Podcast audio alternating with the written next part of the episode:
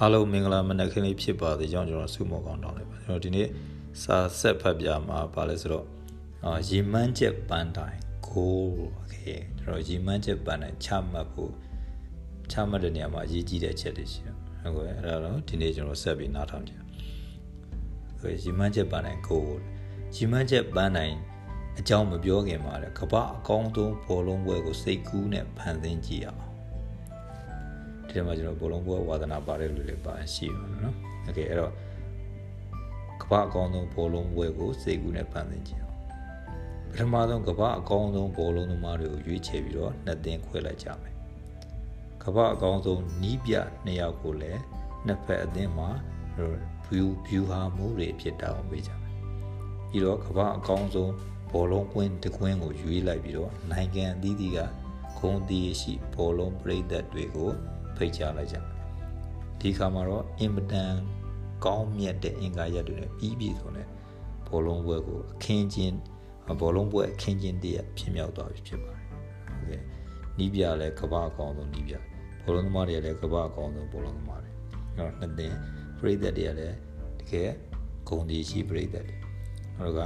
ဘောလုံးပွဲကလည်းကဘာအကောင်းဆုံးဘောလုံးပွဲအဲဆိုရင်ဘောလုံးပွဲအကောင်းဆုံးဘောလုံးပွဲကြီးဖြစ်သွား ဒီချိန်မှာတခုလေးပဲလှုပ်ခွင့်ပေးပါတယ်ဒါကတော့ win the pass စီမှာရှိတဲ့ဂိုးတိုင်းနှစ်တိုင်းကိုဖယ်ရှားလိုက်ခြင်းပါပဲဒီတစ်ချက်တည်းနဲ့ဘောလုံးပွဲရဲ့အနှစ်သာရဟာကင်းမဲ့သွားပြီဖြစ်ပါတယ်ဒီလိုအခြေအနေမှာကဘာကျော်ဘောလုံးသမားတွေကိုမဖြစ်မနေဆက်ကစားခိုင်းရင်လည်းဘောလုံးပွဲမဟုတ်တော့ပဲဘောလုံးလူပွဲကျွန်တော်တို့အရက်စကားနဲ့ပြောမယ်ဆိုတော့ခွေးယူကစားပွဲဖြစ်သွားပါလိမ့်မယ် ခုလိုပြောလိုက်တာကစိတ်ကူးတွေကအဖြစ်ပြက်လေးလို့ဆိုနိုင်ပေမဲ့လောကကြီးထဲမှာလည်းဒီလိုဘဝမျိုးတွေတူးနေသေးပါပဲဘဝမှာအရေးချင်းအခွင့်အလမ်းအဖက်ဘက်ကပြီးပြည့်စုံပါလေရီမန်းချက်ပန်းတိုင်ကိုမရှိတာလေးတခုတည်းကြောင့်ဘဝရဲ့အနှစ်သာရတွေပျောက်ခဲ့ရသူတွေအများကြီးပါဒီလိုတွေဘလောက်ပဲကြိုးစားကြိုးစား view ဟာပျောက်ပြီးဥတီယာမြောက်ဖြစ်ကြပါလိမ့်မယ်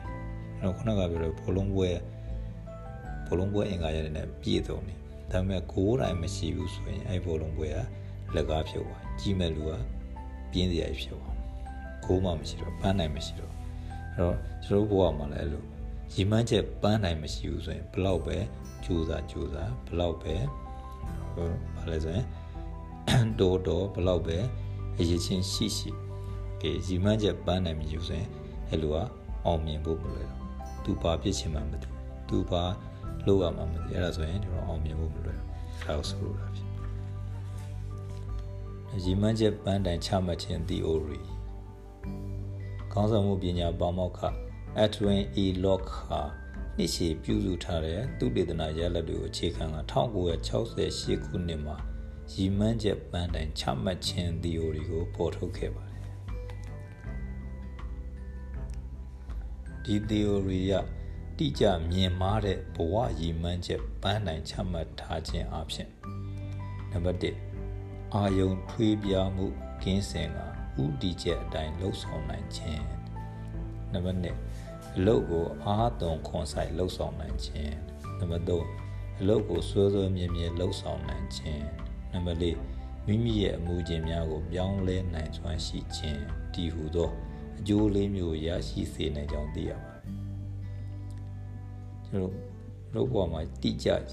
မြင်မာတဲ့ရည်မှန်းချက်ပန်းနိုင်တာချမှတ်ထားမယ်ဆိုရင်တော့အကျိုးလေးမျိုးရနိုင်တယ်နံပါတ်1ကဘာလဲဆိုတော့အာယုံထွေပြားမှုမရှိပဲဥတီရဲ့အချက်တိုင်းလုံးနိုင်တယ်အဲ့တော့ဘာလို့ရမှမသိတာတွေအဲ့တော့ထွေအာယုံတွေဝေဝါးနေတာတွေမရှိတော့ကိုကပန်းနိုင်ချမှတ်ထားတဲ့ကြောင့်အဲ့ပန်းတိုင်းရောက်ဖို့အတွက်လောက်ရမယ်ဆိုတဲ့စိတ်နဲ့တိကျတယ်အဲ့တော့ဘာလဲဆိုရင်လမ်းကြောင်းရှိပါ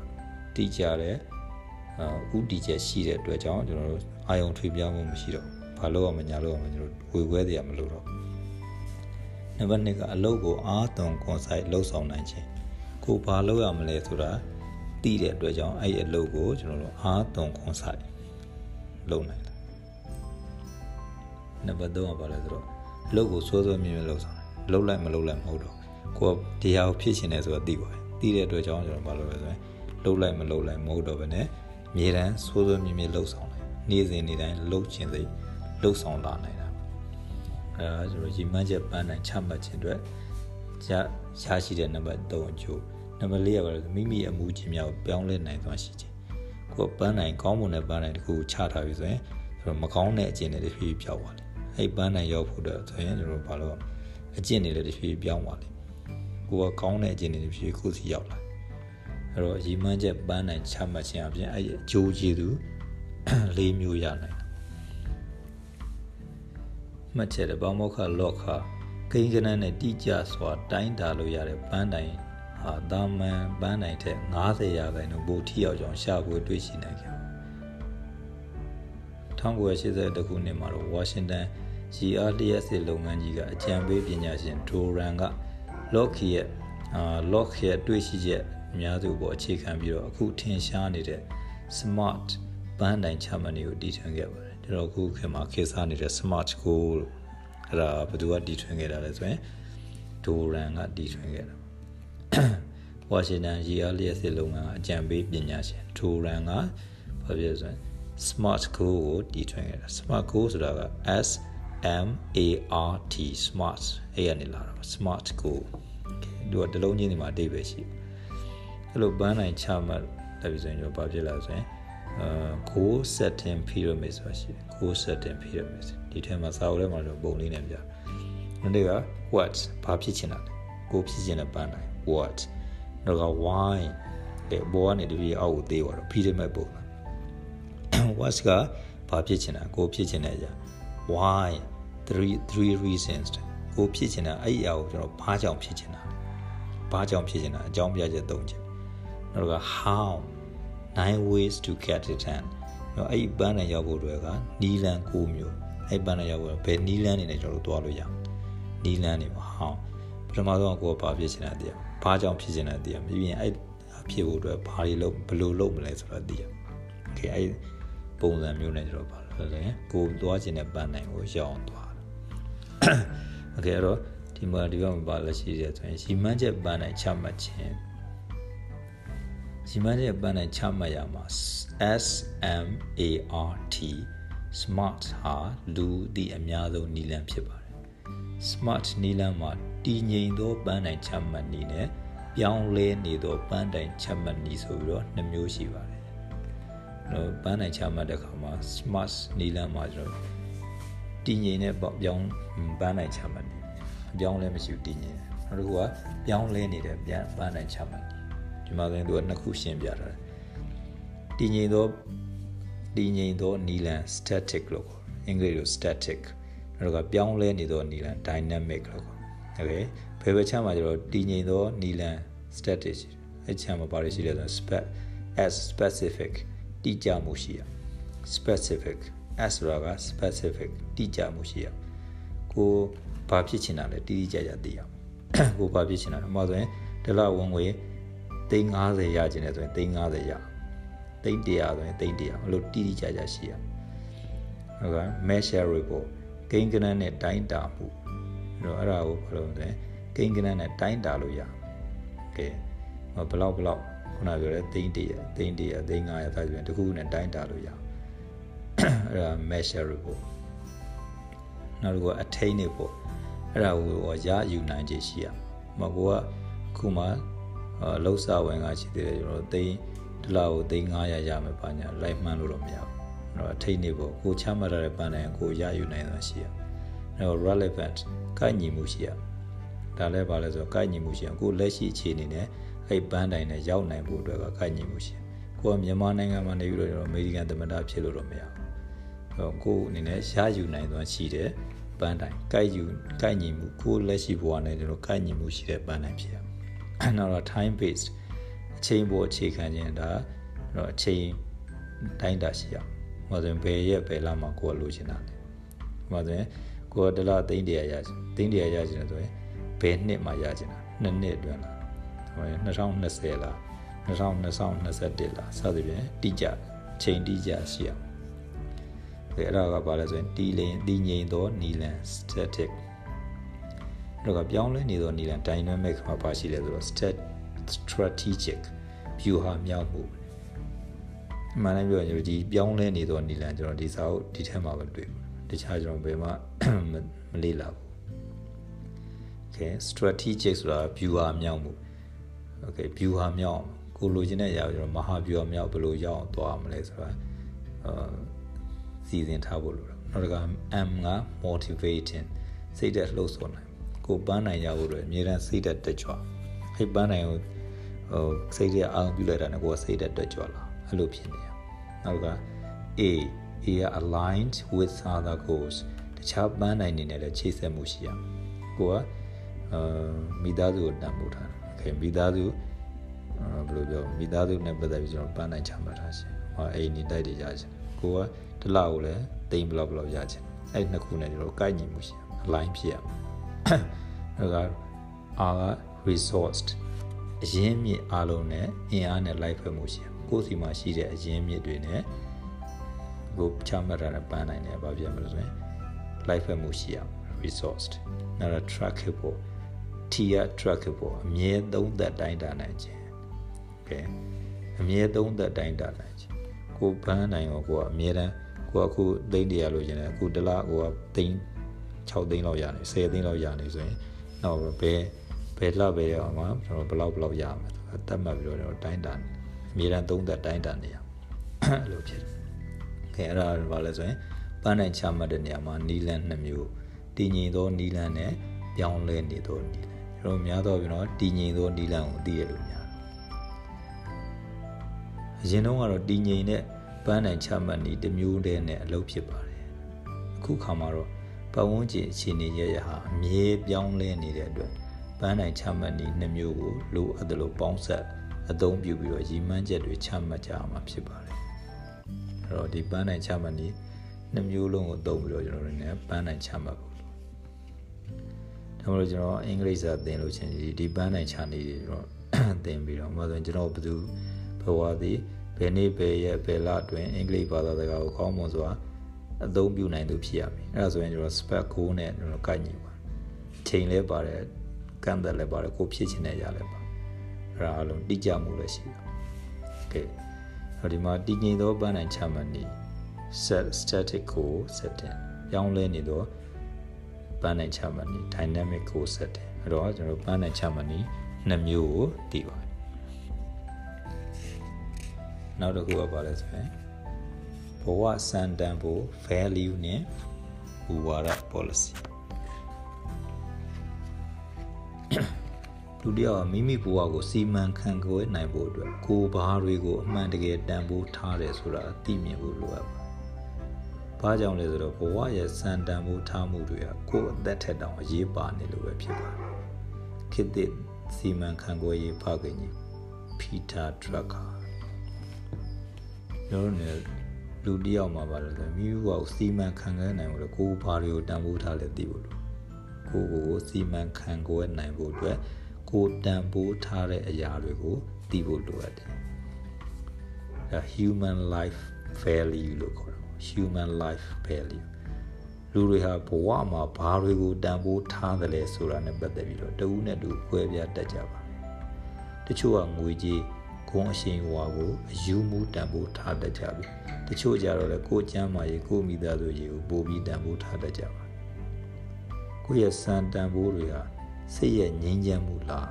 အလှပါလားဘွဲဒီဂရီကိုလားစဉ်းစားတွေးခေါ်နိုင်စွမ်းကိုလားစသည်အပြင်ခွဲခြားသိထားဖို့လိုအပ်ပါတယ်ငွေကြေးနဲ့ပတ်သက်လာရင်တော့တချို့ကလုံခြုံစိတ်ချမှု financial security ကိုနံမိုးထားပြီးတော့လက်ရှိအခြေအနေမပြတ်ဘဲကို အခြေအနေမပြတ်ဖို့ပဲဦးစားပေးတတ်ကြပါတယ် financial security ဆိုတာကျွန်တော်ပုံမှန်ဆိုရင်တော့လကကိုရတဲ့လကဒီလကကိုပဲကျွန်တော်တို့ကမပြတ်အောင်ထိမ့်သိမ်းဆောက်ချပါဒီလကလကပြတ်သွားရင်ကျွန်တော်တို့နေထိုင်ဖို့မလွယ်တော့အဲ့ဒါကိုပဲကျွန်တော်မပြတ်အောင်ဆက်လက်ထိန်းရှင်ထောက်ချောက်တာလုံခြုံမှုဒါကတော့အမြဲတမ်းပုံမှန်ရနေမယ်လားအဲ့ဒါကျွန်တော် financial security လို့ပေါ့နောက်တစ်ခုက တချို့ကြတော့လေငွေကြေးလွတ်မြောက်မှု financial freedom ကိုပို့ပြီးတော့တန်ဖိုးထားပါစွန်စားလှုပ်ဆောင်တတ်ကြပါ financial freedom ဆိုတာလာကတခုပဲတန်ဖိုးမထားဘာလို့ဆိုရင်အရေးမထားတော့တော့တခြားရတဲ့လာကတခြားနေရာမှာကျွန်တော်ဘာလို့ဆိုရင်ရင်းနှီးမြုပ်နေတာ investment လုပ်တာစွန်စားပြီးတော့ရှောက်လုပ်တာကဲစွန်စားပြီးတော့ကျွန်တော်ဘာလို့ဆိုရင်စွန်စားရဲဆိုတော့မှသူက ဟိုတေချာစဉ်းစားနှိုင်းချိန်ပြီးတော့ investment လုပ်တာအဲဒါ financial freedom ကိုယ့်ရဲ့စံတန်ဖိုးတွေကိုစာရွက်ပေါ်မှာချရခြင်းအတိအကျကျပို့တည်လာပါလိမ့်မယ်ဆိုတော့အဓိကပြောရင်တော့ကိုယ်ဘာကိုတန်ဖိုးထားတယ်လဲဆိုတော့ကျွန်တော်စာရွက်ပေါ်မှာချရပါကျွန်တော်ဆိုရင်ကျွန်တော်တန်ဖိုးထားတာပါလဲဆိုတော့ကျွန်တော်အလုံးနဲ့ပတ်သက်ပြီးတန်ဖိုးထားရှိကျွန်တော်အကြောင်းသားတွေစာတက်ဖို့အတွက်ကိုသင်လိုက်တဲ့အကြောင်းသားတွေရောစာတက်ဖို့အတွက်ကျွန်တော်တန်ဖိုးထားနောက်တော့ကပါလဲဆိုတော့ ကိုကျင့်တရားကိုတန်ဖိုးထားကျွန်တော်ကိုကျင့်တရားကိုတန်ဖိုးထားတယ်နောက်တော့ကကိုကျွန်တော်မိသားစုခဲသူတို့နဲ့ပတ်သက်ပြီးတန်ဖိုးထားခဲကျွန်တော်တန်ဖိုးထားတဲ့ဟာအဲ့တော့ကိုတန်ဖိုးထားတဲ့ຢာတွေကဘာလဲဆိုတော့တိချာတီးဖို့လိုအဲ့တော့ဒီမှာနားထောင်နေလူတွေလည်းကိုဘာတန်ဖိုးထားတယ်ဆိုတော့စဉ်းစားကြည့်စဉ်းပြီးချရည်ကြည့်ခုပေါ်ပြထားတဲ့လူအများစုရဲ့ခြင်းထဲမှာတန်ဖိုးထားမှုတချို့ပဲဖြစ်ပါတယ်ခုကျွန်တော်ဖ တ်ပြမယ်ကြောင်းပါလဲဆိုတော့လူအများစုတန်ဖိုးထားတဲ့အရာတွေရှိအဲ့ဒါတွေကဘာလဲလဲဆိုရင်ဩဇာအာဏာတချို့ကဩဇာအာဏာကိုတန်ဖိုးထားနောက်ဖြစ်မြောက်အောင်မြင်မှုတချို့ကြတော့လည်းအောင်မြင်မှုကိုတန်ဖိုးထားကြတယ်စွန့်စားရမှုတချို့ကလည်းစွန့်စားသွားလာရတာကိုတန်ဖိုးထားတချို့ကကိုချင်းစာတရားကိုတန်ဖိုးထားကြတယ်တရားတော့ကိုချင်းစာတရားနောက်ကပေးဆက်မှုတာဝန်သိမှုကိုတန်ဖိုးထားတချို့ကတော့ပေးဆက်မှု တာဝန်သိမှုကိုတန်ဖိုးထားကြတချို့ကတော့စမ်းသစ်ဖန်တီးမှုကိုတန်ဖိုးထားတချို့ကတော့သစ္စာဆောင်တည်မှုကိုဖန်တီးတန်ဖိုးထားကြနောက်ကအစင်တန်းကိုတန်ဖိုးထားတချို့လူတွေကအစင်တန်းကိုတန်ဖိုးထားတချို့လူတွေကမေတ္တာတရားကိုတန်ဖိုးထားတချို့ကတရားမျှတမှုကိုတန်ဖိုးထားတချို့ကအသိပညာကိုတန်ဖိုးထားတချို့ကတည်ငါအတာယာမှုကိုတန်ဖိုးထားတချို့ကကြော်ကြားမှုကိုတန်ဖိုးထားတချို့ကအသိမှတ်ပြုခံရမှုကိုတန်ဖိုးထားဒါတွေကကျွန်တော် လူတော်တော်များများတန်ဖိုးထားတဲ့ຢာအဲ့တော့ကိုတန်ဖိုးထားတဲ့ຢာဘာတွေလဲကိုကိုကိုသိဖို့လူတွေဟာကိုတန်ဖိုးထားတဲ့အရာအတွက်ကိုယ့်ရဲ့ပိုင်ဆိုင်မှု resource တွေကိုပုံဩတတ်ကြပါတယ်။စံတန်ဖိုးနဲ့အညီပဲဘဝရဲ့ဆုံးဖြတ်ချက်တွေကိုချမှတ်တတ်ကြတာဖြစ်ပါတယ်။အဲတော့ကိုတန်ဖိုးထားတဲ့အရာကိုတန်ဖိုးထားတဲ့အရာဒီ live ကျွန်တော်ကကိုရှိတာနဲ့ပုံဩတာ။ဟုတ်စင် အာတချို့ကကျွန်တော်ငွေကြီးတန်ဖိုးထားငွေကြီးတန်ဖိုးထားငွေနဲ့ကိုကျင်တရားနဲ့ရှင်းလာပြီဆိုရင်ကျွန်တော်ငွေဘက်ပဲလိုက်ပါအဲ့တော့ကိုကျင်တရားပြတ်တဲ့လူတွေအများကြီးဖြစ်တချို့တော့ကိုကျင်တရားကိုတန်ဖိုးတာငွေကိုတန်ဖိုးငွေကိုသိရေးမထားအဲ့တော့ကိုကျင်တရားတန်ဖိုးထားတယ်လို့ဘလောက်ပဲငွေနဲ့မြူဆဲမြူဆဲကျွန်တော်အကိုကျင်တရားမပြတ်အဲ့တော့ကိုတန်ဖိုးထားတဲ့ຢာကိုကဘာလို့ဆိုပို့ပြီးတော့ကိုရှိတာနဲ့ပုံခေါ်တာ နော်ကိုကျင်တရားကိုအသက်ထက်ပိုတန်ဖိုးထားတဲ့သူတော်ကောင်းတွေဟာကိုကျင်တရားအတွက်အသက်ကိုစွန့်လွတ်ဖို့ဝန်မလေးတတ်ကြပါဒါကြောင့်ကိုယ့်ရဲ့စံတန်ဖို့ value တွေဟာဘဝရက်တည်ရအတွက်ကိုယ်တိုင်ပြထမ်းလိုက်တဲ့မူဝါဒ policy တွေပဲဖြစ်ပါတယ်။ဒါကြောင့်ကျွန်တော်ကိုတန်ဖိုးထားတဲ့အရာတွေကိုဘာလုပ်ဖို့လဲဆိုရင်တီးဖို့လိုတယ်။အဲတော့ကိုတန်ဖိုးထားတဲ့အရာတွေကကျွန်တော်ကိုဘဝရဲ့ policy တွေဖြစ်လာတယ်။ ကိုယ်တိုင်ပြထမ်းလိုက်တဲ့ policy တွေဖြစ်လာဘဝရချမှတ်ပြီးဘဝကိုရှောက်လန်းခဲ့တယ်